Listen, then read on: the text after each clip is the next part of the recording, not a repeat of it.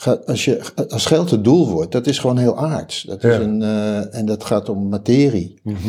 En materie is, is heel grof en, en onvoorspelbaar, want dat verandert alsmaar. En als je je gaat afvragen, waarom heb je geld, wil je geld hebben? Nou ja, omdat ik een huis nodig heb of omdat ik eten. Maar dan moet je eigenlijk eh, je richten op een huis en eten. Als je huis wil hebben, moet je een huis zoeken. Dus niet, je hebt helemaal niet per se geld nodig.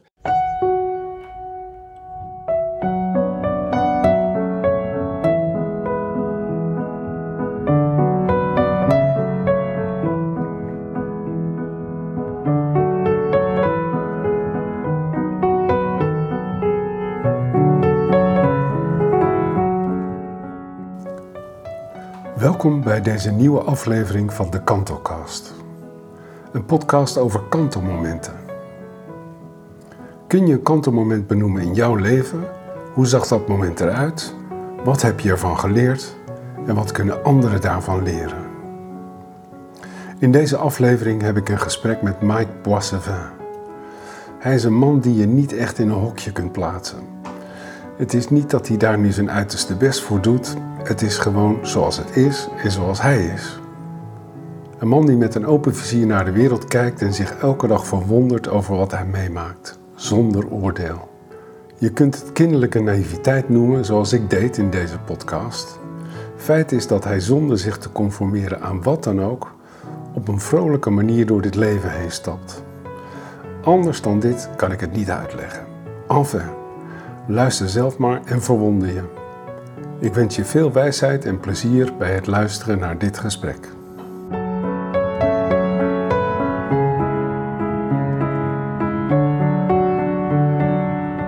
Je hebt iets met de Hare Krishna gehad.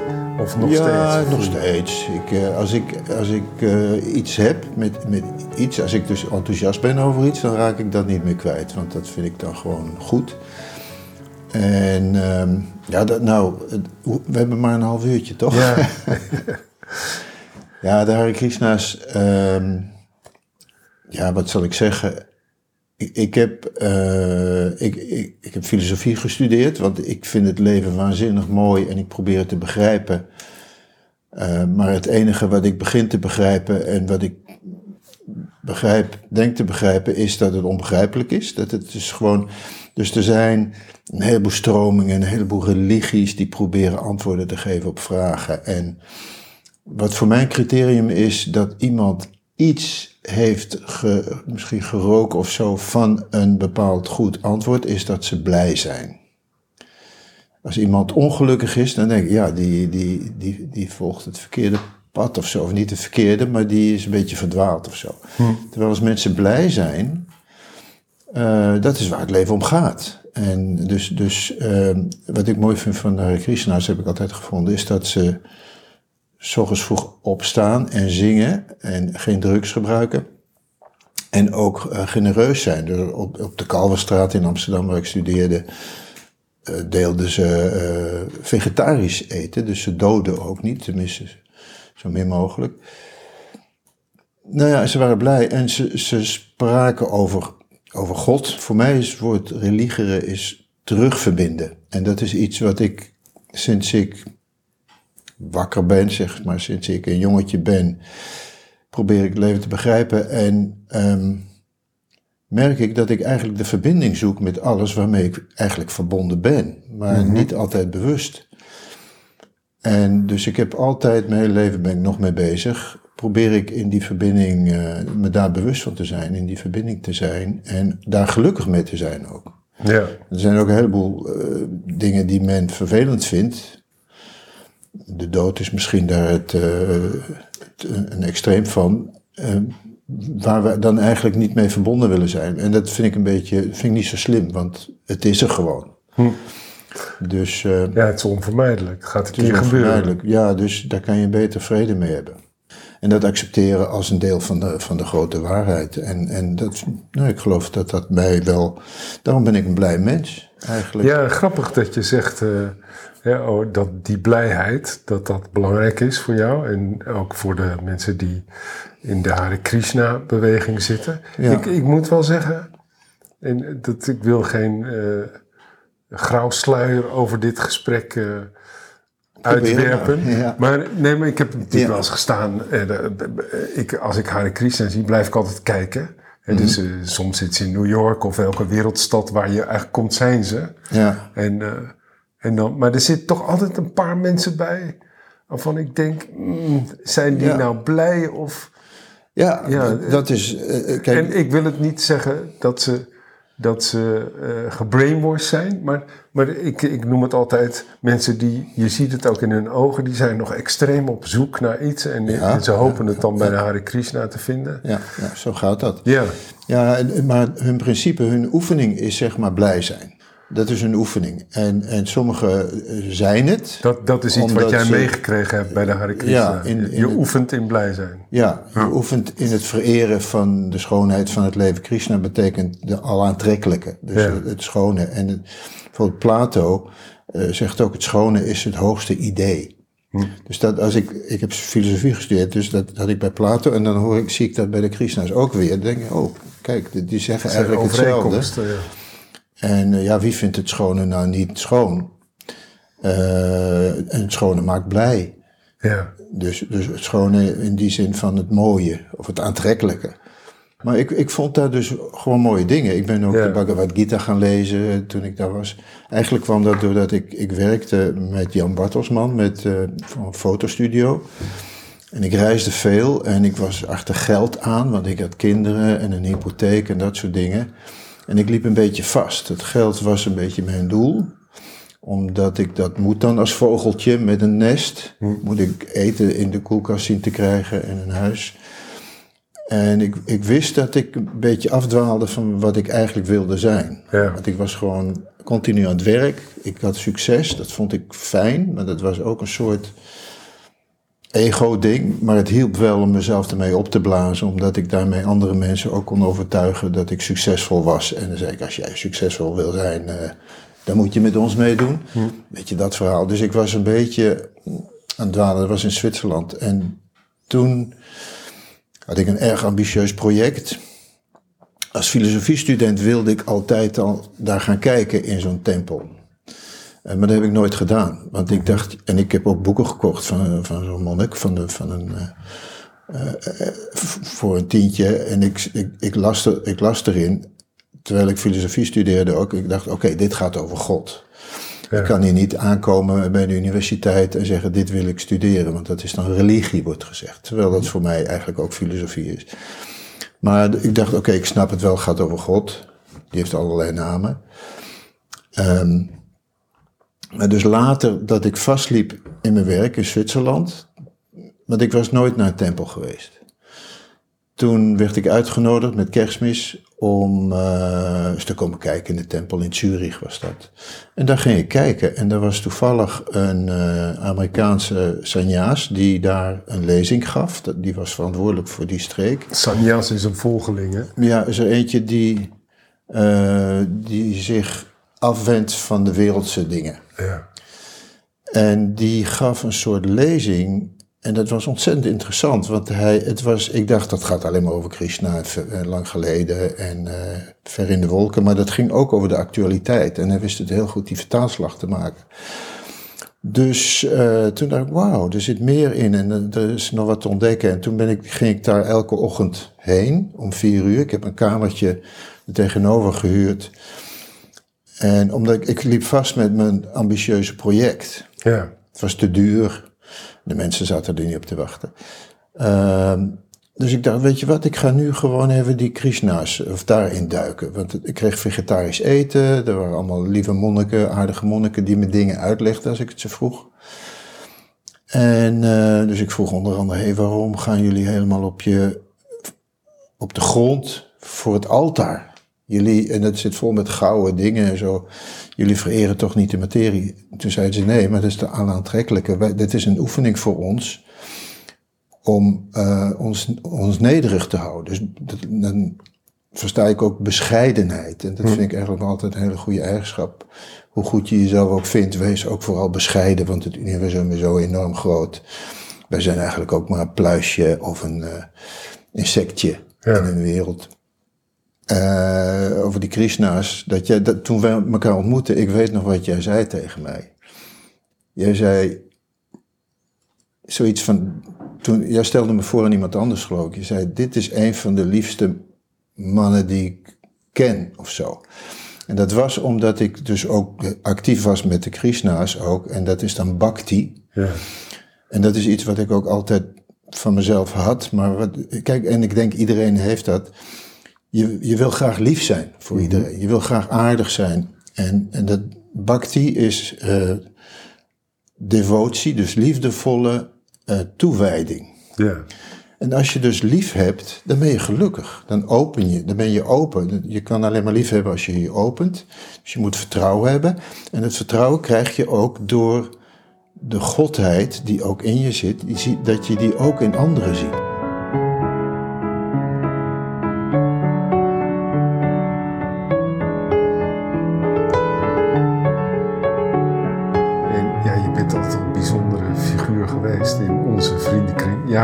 Je, je, nou, je fronst niet, maar je trekt wel een beetje gek gezicht. Ja. Als ik dat zeg. Ik vind iedereen bijzonder. Ja, nee, dat is zo. Ja.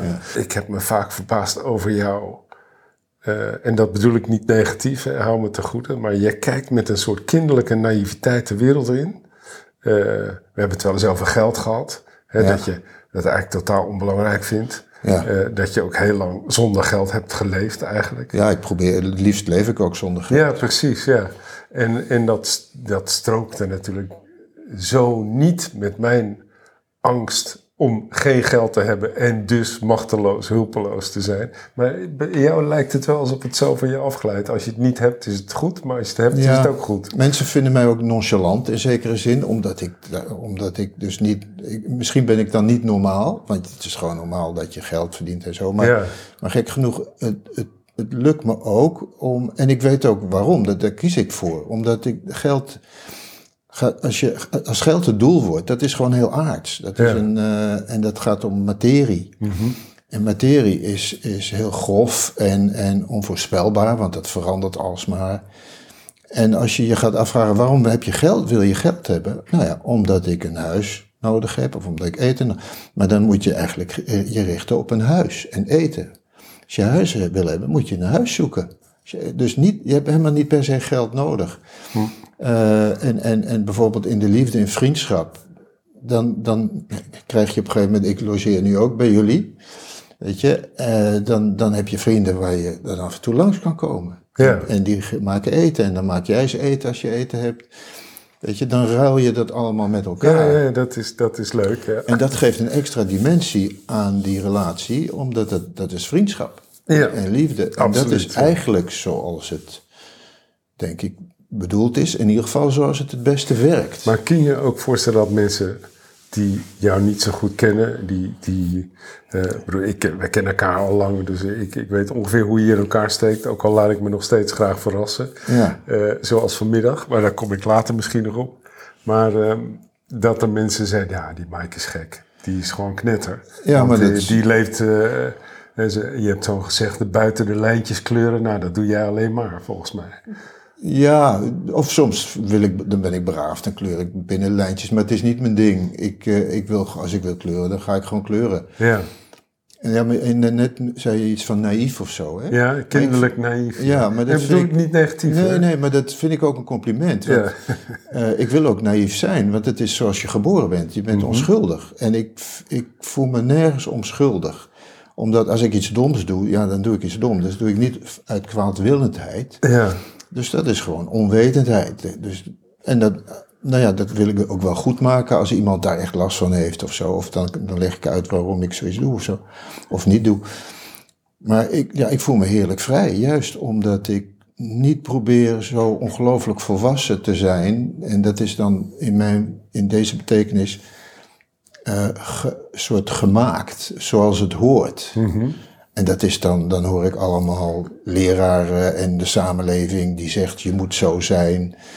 Een goede burger in de samenleving. Maar eh, ik denk dat een de beste burger is diegene die gewoon liefdevol anderen helpt en, en eh, vrij is. En ook kritisch in zekere zin. eh, ja. en niet bang ook of zo. Ja. Ja. wat zal ik zeggen? Ja, gewoon en naïef. In zekere zin dus gewoon ook puur misschien en authentiek. Ja, ik Ja. wil mezelf niet te Ik kan me voorstellen trouwens, in een wereld vol eh, mensen die, ehm, die proberen hun leven te controleren en op zeker te spelen. Ja. Ja, dus je hebt een huis nodig, je moet een opleiding hebben, diploma's, eh, geld verdienen, Ja, eh, een relatie. nou ja, dus je, je wilt ergens bij horen, net als de Hare Krishna volgens mij. ja. Die, ja, hoor je ook bij een groep. ja je wil bij een familie Maar horen ik zie toch? jou nog steeds als een soort eenling. Ik weet niet of het zo is. Maar je, Zeker Karin is wel. hier ook, daar Ja, ben je mee getrouwd. Ja, ja. Eh, eh, maar het is wel zo, je woont negen maanden van het jaar woon je in, In Roemenië. Daar heb je een huis gekocht, een stuk grond. ja. En, maar dan ben je niet met Karin. Nou ben ik ook met Karin, want Karin zit in mijn hart. En ik spreek haar elke dag. Ja, ja. En ik hou steeds meer van haar. Dus dat is ook om, ja, op de een of andere manier begrijpt ze iets in mij, van mij en maar ze is accepteert niet ze. bij je. ze eh, Soms, ja, natuurlijk wel. Zij is, nee, maar zij is ook continu aan het werk. Dus ik heb soms dat ik denk, shit zeg, ik denk vaak aan haar. Ja, eh, of af en toe. En dan ben ik gelukkig als ik aan haar denk. ja. En zij denkt waarschijnlijk nu niet aan mij, want ze is gewoon bezig met haar werk. En daar, daar gaat ze dan heel diep in. Maar als ik er dan ben, en dan, dan probeer ik dat te doorbreken. En dan is dat meestal, wordt dat wel door haar gewaardeerd. Dus dan denk ik, oh ja, jij houdt echt van me, dus uh, dank je wel. ja. En dan ben ik, ja, dan ben ik gewoon blij. Dus ik, ik gooi al mijn liefde die ik voor haar heb, allemaal naar haar toe. En dan komt er wat terug. En daar Ja. ben ik dan heel blij mee. ja. En dat is eigenlijk. eh, ja, maar dat heb ik ook met mensen die ik niet ken. Ik, ik hou heel snel van, van mensen. Er zijn ook mensen die zijn wat moeilijker. Daar hou ik natuurlijk ook veilige afstand. Maar ik heb veel mensen. Wat eh, beschouw je me als moeilijk dan, eh, Mike? nou, ja, die hebben dan reacties. die, die, die hebben onverwachte eh, verdedigingsreacties, zeg maar. Dus die kunnen boos worden of die, gaan, of die hebben een negatieve, soort negatieve houding die alsmaar doorgaat. Dat ik denk, goh, eh, wat jammer nou, of zo. Want ik wil graag in alles positief zijn. Want volgens mij het enige wat bestaat is positiviteit. Negatief is een heel raar woord. Dat, is, dat betekent dat er niets is. Dat er iets niet is. Dat is een absoluut onzin, vind ik, om daarover te praten. Over iets wat er niet is. Ja. Dat bestaat niet. Dus dat is een verzinsel. Ja. Dat ik weet ons- niet of, ons- als je dat zegt tegen iemand die eh, in, in zijn opvoeding mishandeld is, emotioneel verwaarloosd, eh, Ja. alcoholisme, eh, Maar daar kan ik wel van houden. misbruik. eh, Maar daar kan ik heel, heel, juist heel veel van houden. Omdat ik... Ja? Ja, ja om, dat zie jij niet als iemand die moeilijk is, die, niet per se. leven nee, een want- trauma is. Nee, want ik ben, ik ben steeds meer, dat vind ik zo leuk dat ik ouder word, ben ik steeds meer echt geïnteresseerd in mensen. En Ja. dan, eh, dan, dan probeer ik gewoon in dat hart te kijken en overal zit goud. Ja. En die, daar zie ik juist dan een gekwetst iemand, juist omdat hij zo open heeft gestaan op, eh, op open was als kind en zo.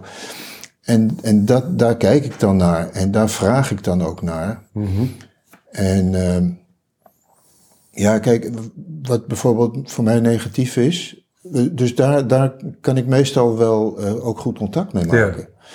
Ehm, maar ik heb bijvoorbeeld vrij- eh, wel eens vrijwilligers daar en In Roemenië. in Roemenië. Ja. Bijvoorbeeld, ik heb één iemand gehad die, die, die was alcoholist, maar dat vertelde hij niet. En bij mij drink je, drinken we geen alcohol, dat is de regel. En ook niet roken. Gewoon omdat dat narigheid brengt. Dat, en dat sleept anderen ook weer mee daarin. En ik, ik zie daar eigenlijk alleen maar problemen mee ontstaan. Er gaan dingen stuk en mensen zijn Mhm. Ja, niet even, fit. even voor de luisteraars uitleggen. Hè, je hebt daar eh, een huis, meerdere huizen zelfs. Ja, Eh, eh, nou, ik ben in Roemenië geweest. Die zijn soms niet in de allerbeste staat. nee, slechte staat je, vaak. je, je, je bent lid van zo'n organisatie, heet Workaway, heet dat, geloof ik. Hè? Ja, Ja, en daar kunnen mensen uit andere landen als vrijwilliger, zeg maar, bij jou aan de slag. ja, bij mij aanmelden en, Ja. dan, en dan eh, nodig ik ze uit. En dan komen ze en dan geef ik ze kosten en inwoning. Ja, precies. En, en eh, wat, ze, wat ze nodig hebben, Ja. plezier hebben ze ook nodig en zo. Sorry dat ik je even onderbrak. We kunnen nu weer terug Ja. naar die, die moeilijke persoon. Waar En als tegenprestatie doen ze dan eh, bepaalde klusjes die weer nuttig voor mij zijn. Ja, precies. Ja. Maar dus aan het begin deed ik dat en, dan- en er werd gedronken en gerookt en zo. Maar dat, dat werkte niet, omdat dat mensen meenam. Juist, er komen ook mensen die niet roken en niet drinken en die gingen dan toch meedoen. En ik heb daar in mijn leven ook ja, gezien dat dat is vaak een moeilijke weg. Vooral als het overdreven wordt. En dat Ja. wordt vaak gedaan met jongeren. Die gaan worden dronken en zo. En dat vind ik eigenlijk jammer. Dus ik had iemand en die wist dat die, eh, die kwam trouwens niet via Workaway, maar, dat, maar die was bij mij vrijwillig en die was eigenlijk alcoholist, maar dat, hij zei dat hij zonder drank kon. Maar die, eh, die, die moest toch af en toe drinken. Ja. Ik ging met hem boodschappen doen en kocht hij een flesje sterke drank. En ik, ik vroeg hem naar zijn persoonlijke leven. En hij sprak over zijn moeder en toen zei ik daar iets over en toen werd hij heel boos op mij.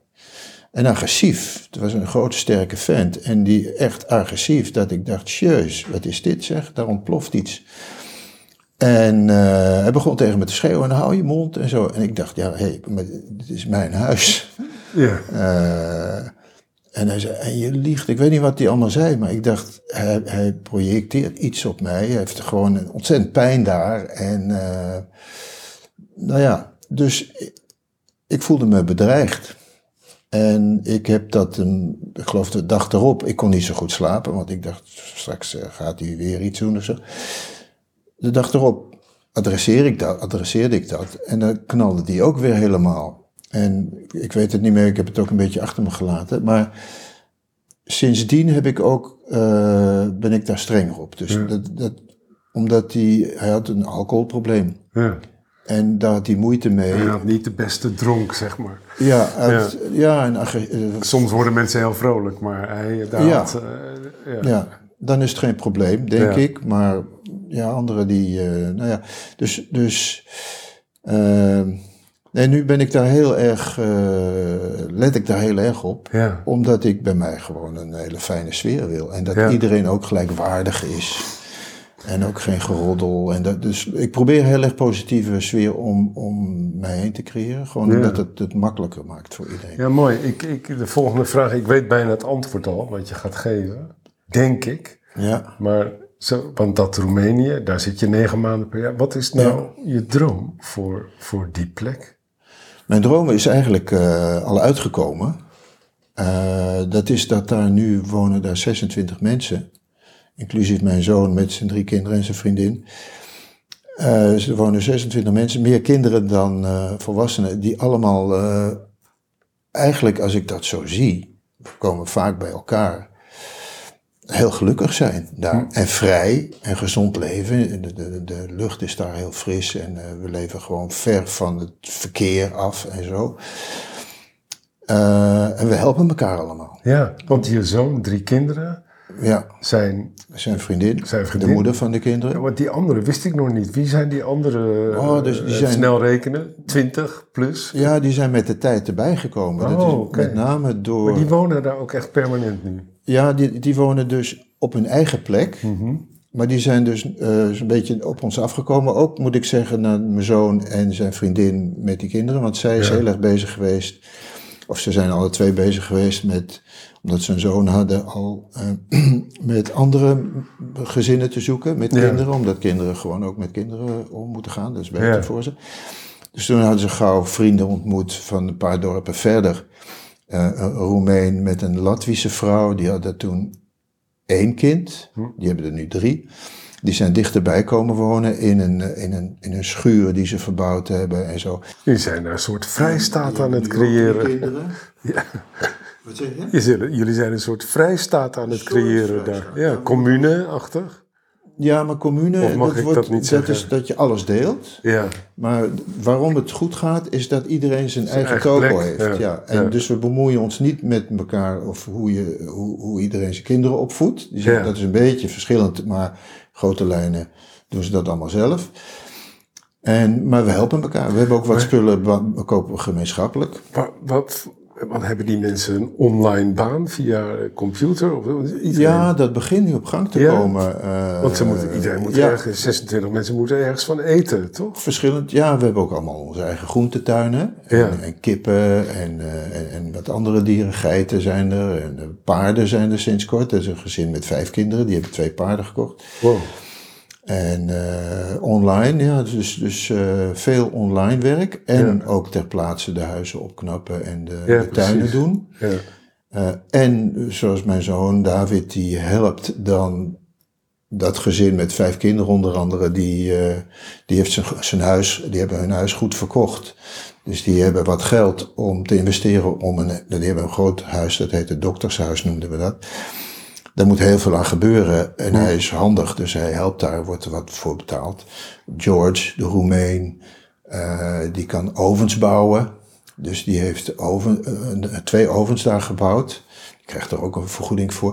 Maar we hebben eigenlijk ook niet zoveel geld nodig, dat is het mooie. Ja. Want we hebben weinig kosten. Ja. Belasting is daar ook heel laag. Ben jij de oudste, Mike? Van het Ik ben stel? de oudste, ja, ja, ja. Ik ben de opa een beetje van al die kinderen. Af en toe komen andere opa's en oma's langs, maar die blijven een maandje of zo. Ja, Maar ik ben daar de vaste opa, ja. jij bent een Ja. constante factor. Ja, dat vind ik heerlijk. Ik vind al, al die kinderen die. eh, ik, ik organiseer vaak pizza parties. Ja, je, je hebt een- dat zien luisteraars niet, maar je hebt een, een forse grijze baard. Ja, dat is om, om het meer opa Ja, te laten Dat lijken. is echt je opa-image, is dat, hè? Ja, dat vind ik heerlijk. Ja, Ik heb dan ook, ik heb een, ik heb een eh, Zuid-Amerikaanse fluit. ja dat- die heb ik die- wel eens gezien. Ja. Die klinkt heel mooi in Die de heb je vallei. hier wel eens gebruikt boven in de slaapkamer.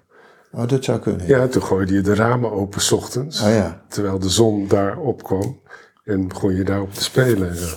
Ja, dat is, dat is voor mij ook een soort meditatie. Dan mediteer ik eerst en dan probeer ik te spelen met wat ik zie. Ja, Dus zo, dus zo loop ik ook wel eens door die heuvels. Als ik s ochtends vroeg wakker ben, dan loop ik door die heuvels en dan spe- speel ik hier en daar. En dan, dan komen de mensen overdag uit hun nestjes. Zeggen, goh, wat was dat weer mooi, weet je. De- omdat het zo galmt, dat helpt mij ook. Ja. Ik ben niet een super goede fluitspeler.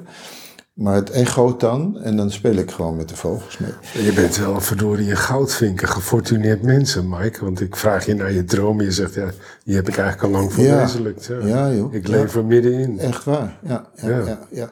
Dus Wat was nou het, het grootste keerpunt in je, als je nou terugkijkt op je leven? Wat was het grootste kantelmoment, keerpunt in je leven? Iets wat maakte dat je leven zo de andere kant op ging. Ja, nou, dat vind ik.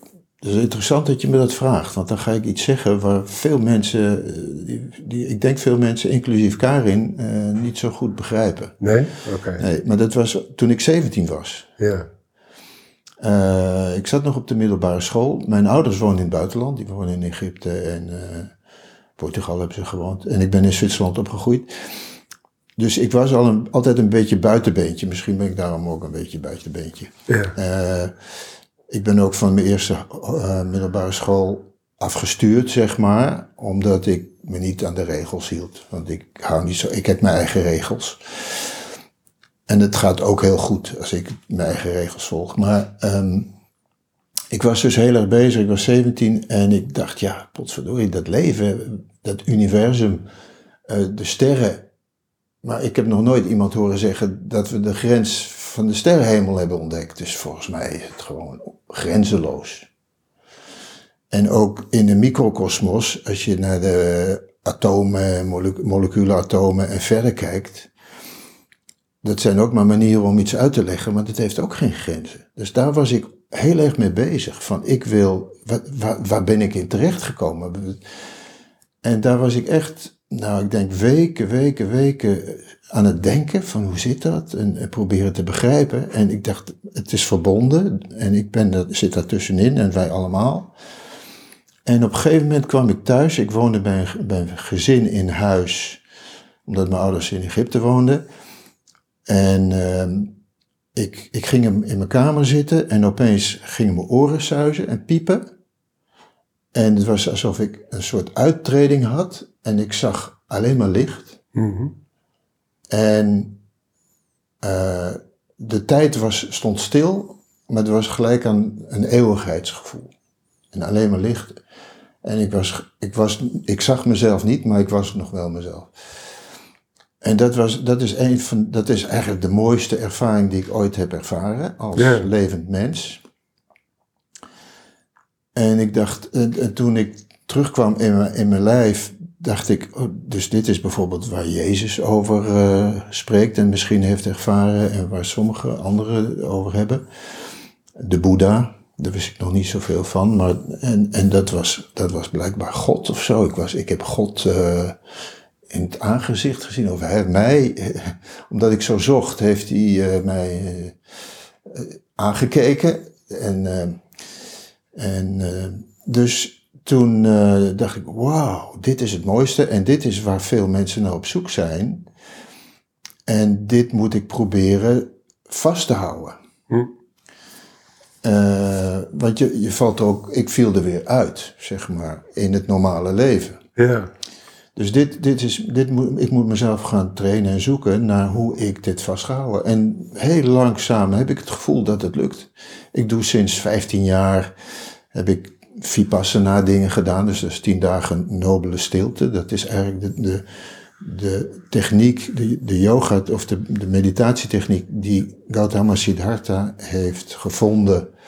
Die de missende schakelaar was. Want zijn leren, zijn, zijn goeroes waren geen van allen bevrijd. En hij heeft die techniek, en de meest simpele techniek, dat vind ik ook zo mooi. Het is zo, het meest simpele, daarom is het zo moeilijk soms.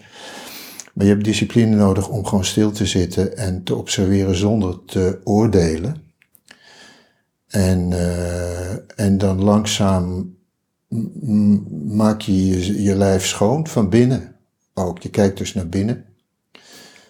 En dan kom je steeds meer in evenwicht doordat je leeg raakt. Ja. En er komt, er komt stilte, de nobele stilte noemen ze dat ook. En in die stilte kun je alles horen. Dus hoe meer ik mezelf daarin oefen, en ik doe rustig aan, want het pad is misschien heel erg lang, maar als je het pad de goede kant op loopt, dan doe je stap voor stap. Dan kom je Ja. er. Ja. Beter dan dat je gaat rennen en dan opeens het bos in, eh, in duikelt opeens en dan de weg kwijt bent. Dus ik doe gewoon rustig aan. Ja. Ik, ja, dus, dus dat was een heel groot kantelpunt. eh, ja, dit zo'n bijzonder ja. moment. eh. En ik Op een kwetsbare leeftijd, 17. Ja. Hè? Dus je bent, eh, Ja. tenminste, als ik mijzelf herinner, toen ik zo oud was. Ik was heel erg op zoek naar, nou ja, wat jij ook zei, de zin van het bestaan. En, Ja, ik kwetsbaar. Mijn ouders woonden in het buitenland, dus ik had geen autoriteit om me. Dat, dat wou ik ook niet hebben. ja, Dus ik was alleen. Ehm, en eh, ja, van wat is mijn weg eigenlijk? ja, En ik sprak er met vrienden over en sommigen begrepen het en kregen het. En anderen die hebben zoiets, joh, dat is larikoek. ja, je zei net Karin, Ja, Karin is atheïstisch. die ze. begrijpt het niet. Nee, en daar had ik moeite mee, maar ik hou Ja. ontzettend veel van Karin. Misschien ook juist omdat ze het Ja. niet begrijpt, maar eh, Je had niet iets gebruikt toen waarmee je nee. deze... Nee, het, kwam, Nee, het was er kwa- opeens. Het kwam. eh, Ja, was ik heb je- trouwens trouw- tijdens Vipassana ben ik een paar keer ook eh, dat ik één dag gewoon in die sfeer zat weer. Ja, oké. en en ja. dat zou ik, als ik wil, kan ik daarheen gaan en, en dat trainen. Maar het is een beetje saai, want dan zit je eigenlijk alleen maar te zijn en dan ben ik heel gelukkig. ja. En ik, dus als ik minder gelukkig word, dan ga ik gewoon wat meer mediteren. En dan Ja, voel ik precies, me gewoon goed. Dan open ik me weer. eh, dus, maar ja, Karin, ik denk dat ook atheïsme is ook een soort religie. Als zij naar deze podcast gaat luisteren, vindt ze niet leuk omdat je dit vertelt? Of? Misschien niet, ik Nee. weet het niet. Maar het is, ik, ik denk dat al het isme is een, altijd... Wij, wij, wij hebben een religie nodig om ons aan vast te houden als leidraad of zo. Mhm. Dus je kan ook zeggen, geloven in God is ook een religie. Ja, dat is ook een religie. En er is niks mis met religiëren met je terug te verbinden. Er is niks mis mee. Iedereen doet dat op zijn eigen manier. Iedereen heeft zijn eigen pad. Ehm, dus atheïsme is in zekere zin ook eh, zonder God. eh, en heel bevrijdend, want Ja. God is ook misbruikt. De naam God eh, in de kerk. En de kerk heeft, Ja. is rijk Door geworden. mensen, ja. Ja, dus, dus ik snap ook wel dat iemand tegen kerkorganisaties is en zo. Maar dat is eigenlijk tegen de menselijke organisatie, niet tegen het fenomeen. Denk ik. Mooi Mike, je hebt eh, eigenlijk heel veel verteld. Ja, ik heb Ja. eigenlijk het belangrijkste verteld. Ja, prachtig. Het is wel mooi dat je daarnaar vraagt, want vaak eh, ben ik heel voorzichtig met daarover te vertellen. Ik doe Ja. het wel met vrijwilligers die bij Ja, komen. ik kan me heel goed voorstellen dat mensen die horen dit verhaal denken, nou die kerel was psychotisch of zo. Ja, nou dat vind ik best. Dat zou mensen dat kunnen. denken, maar daar kan ik niks aan doen verder. Want ik heb er baat bij. Ja, precies. En, ja, het was eh, voor jou een grote levensles. Ja, Ja. ja. een soort eh, inzicht. En je ik. kan er ook nog naar teruggaan, vertelde je net.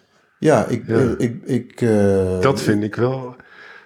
We zitten wel een beetje op qua lengte van de podcast op onze. Ja, Vipassana is de techniek die voor Ja. mij het beste werkt. Dat is Ja, ja. stilte. Daar wil ik het nog wel eens uitgebreider met je Ja. over hebben. Ja, hoe je dat dan doet.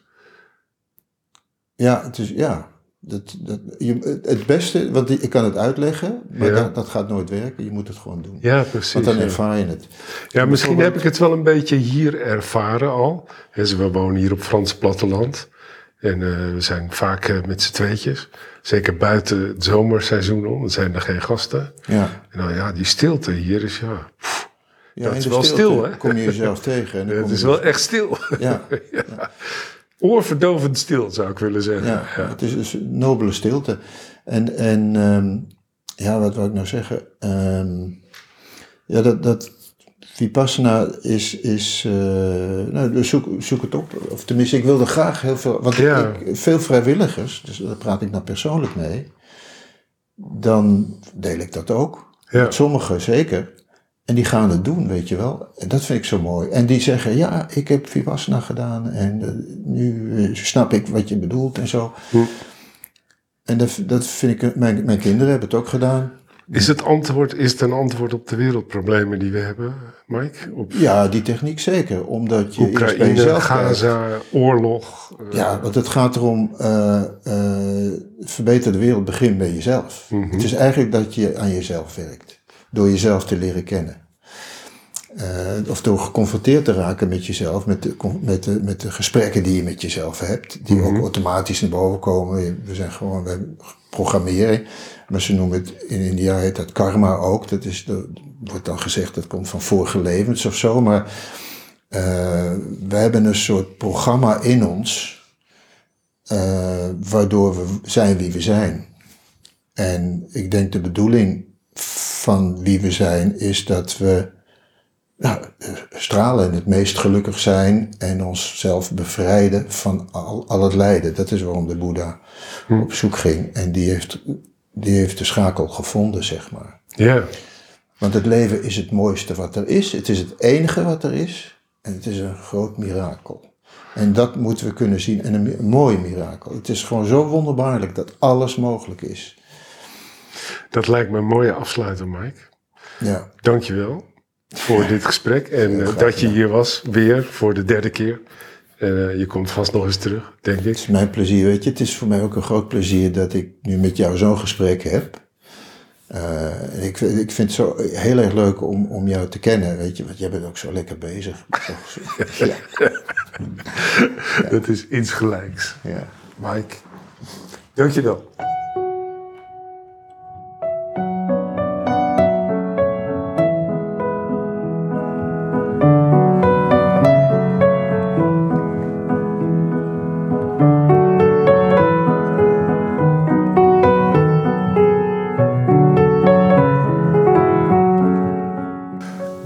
Luisteren naar deze aflevering van de Kantelcast. Ik wens Mike natuurlijk al het geluk van de wereld in zijn domein in Roemenië. Ik dank hem ook voor dit gesprek. De muziek in deze podcast is van de ziel van Chalem. Chalem met CH en dubbel L. Die kun je net als rokers vinden op Spotify, YouTube en Instagram. Wellicht wil je deze aflevering delen met jouw netwerk, jouw vrienden, jouw familie. Of geef hem 5 sterren op Spotify. Mijn dank is groot. Nogmaals dank voor het luisteren en tot de volgende Kantelcast.